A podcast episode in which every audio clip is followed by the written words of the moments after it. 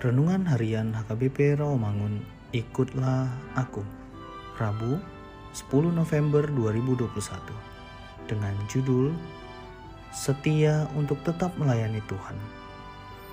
Bacaan untuk kita pada pagi hari tertulis dalam Kejadian 24 ayat 28 sampai 42 dan bacaan kita pada malam hari tertulis dalam Lukas 4 ayat 16 sampai 30.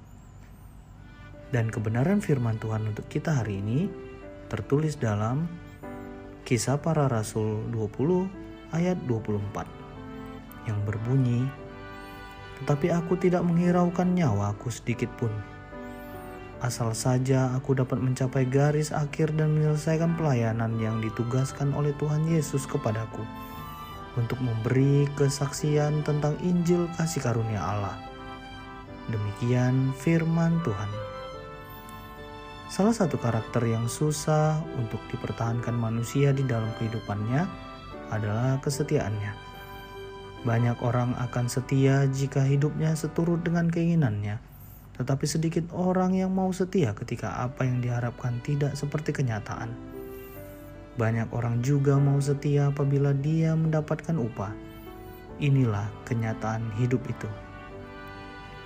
Hal itu juga dapat terjadi di dalam mengikut Tuhan di mana tidak sedikit orang menjadi tidak setia ketika apa yang diharapkannya berbeda dengan realita, sehingga hati mereka mudah berubah. Sepertinya kesetiaan mereka kepada Tuhan hanya pada tergantung situasi. Ketika hidup sedang bergumul, mereka tidak lagi bersemangat melayani, tetapi ketika hidup bahagia, senang, mereka menggebu-gebu untuk Tuhan.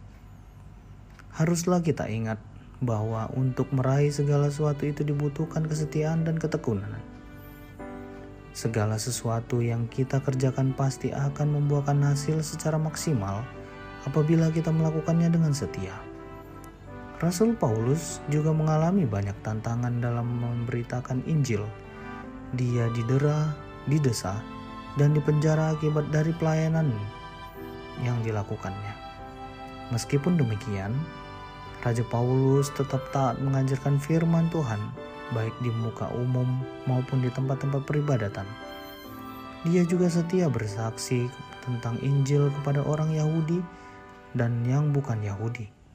Untuk itu, marilah kita tetap setia dalam panggilan pelayanan kehidupan kita.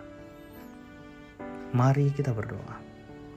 Mampukan kami Tuhan untuk tetap setia melayani meskipun banyak hal yang mencoba menghambat pelayanan kami. Amin.